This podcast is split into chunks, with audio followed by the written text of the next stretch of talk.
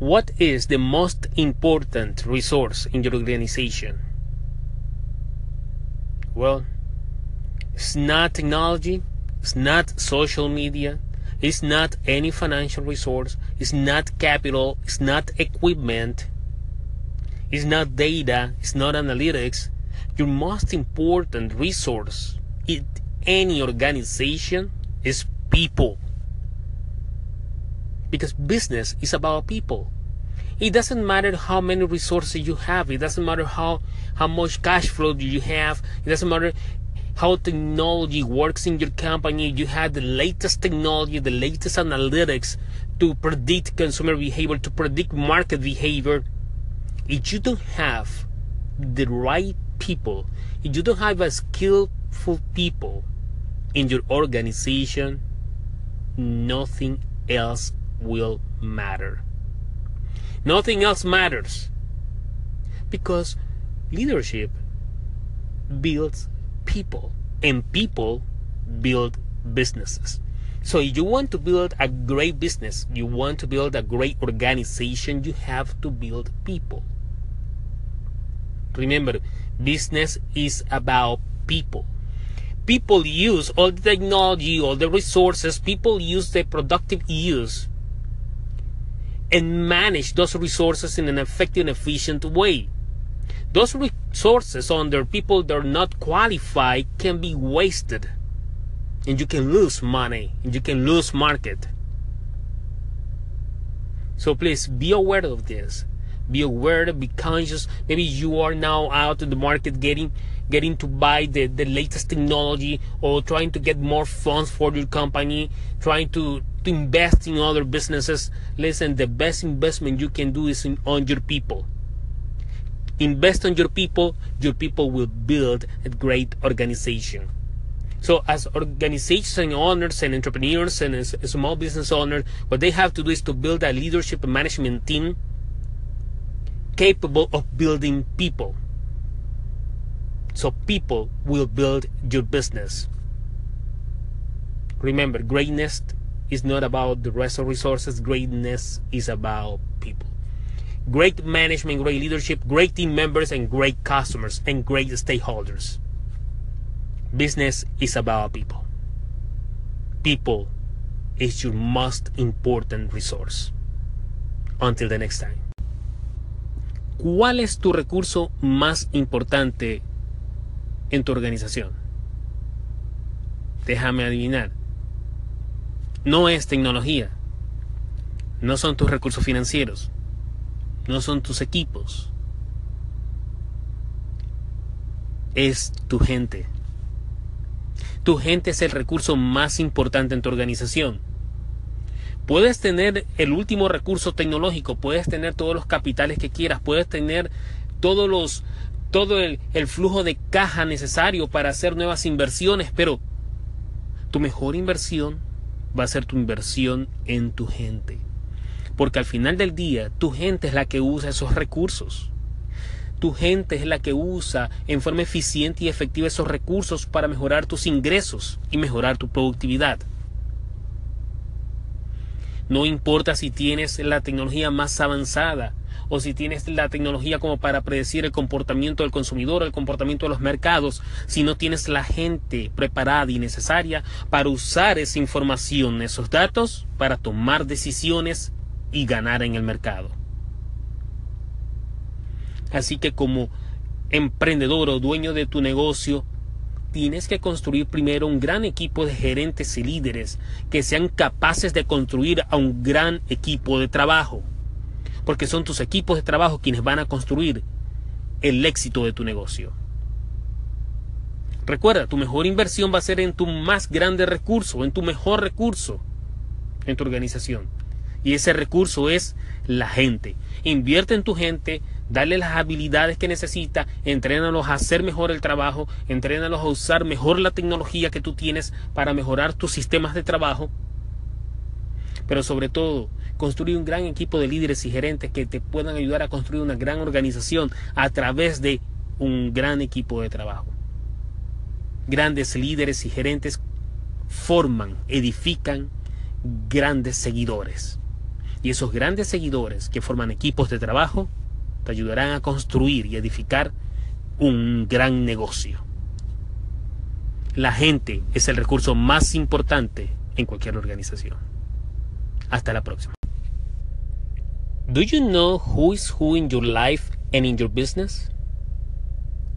Do you really know people who surround you? Sometimes we are confused by people's behaviors and sometimes we wonder why this person do this or why is doing that. We don't know. We really don't know. But if we want to know who is who in our lives, we have to expose them to different situations in different contexts. Great leaders know that they have to expose their people to different challenges and controversies and conflicts. Because in times of challenge, in times of controversies, in times of conflict, you see the true people's color through their actions. You know who is who. When times of challenge and controversies coming, you know how people act, how people react in different controversies and different conflicts, you will have people that will do something to resolve it. Others will amplify and maximize the conflict and the controversy for their own good. And others will, don't, will not do anything at all. That's how you know who is who in your life. Expose people, stress people, put people into different situations put people in, in challenges, put people on, in conflicts, in controversies, and see how they act, see how they behave. You will see even their own light, their own strength, and you will see people's shadows. Those fears and, and unconscious emotions that they have in their lives, they will come out and you will know who is who in your life. Keep in mind this if you want to know who is who in your life, expose people to challenges, controversies, and conflicts. And through their actions and reactions to those challenges, controversies, and conflicts, you will know people's true color, people's shadows, and you will know who is who in your life and in your business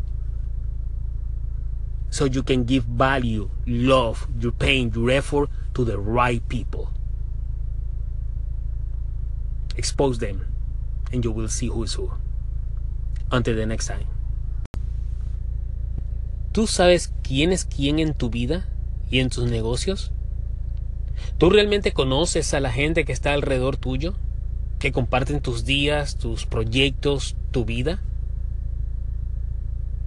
Grandes líderes saben que para reconocer y saber quiénes son las personas que forman sus equipos de trabajo y quiénes son las personas que forman parte de su vida, ellos tienen que exponer a esas personas a diferentes situaciones.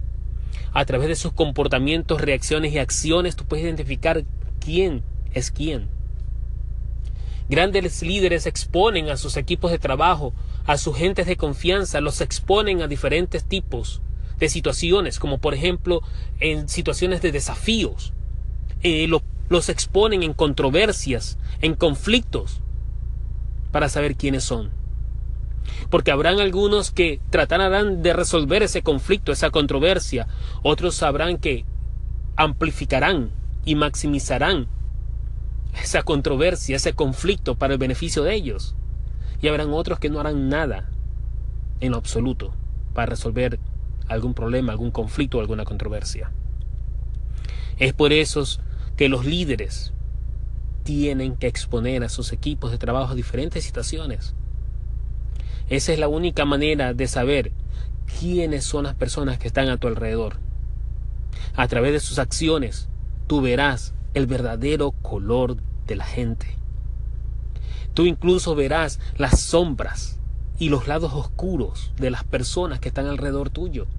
Porque en esos momentos de controversia, de conflictos y de desafíos, es cuando las personas sacan a relucir no solamente su luz, sus fortalezas, sino también sus debilidades, sus miedos, sus incertidumbres, sus propias sombras y sus propios lados oscuros. Quedan expuestos ante situaciones de desafío, ante situaciones de controversia, ante situaciones de conflicto.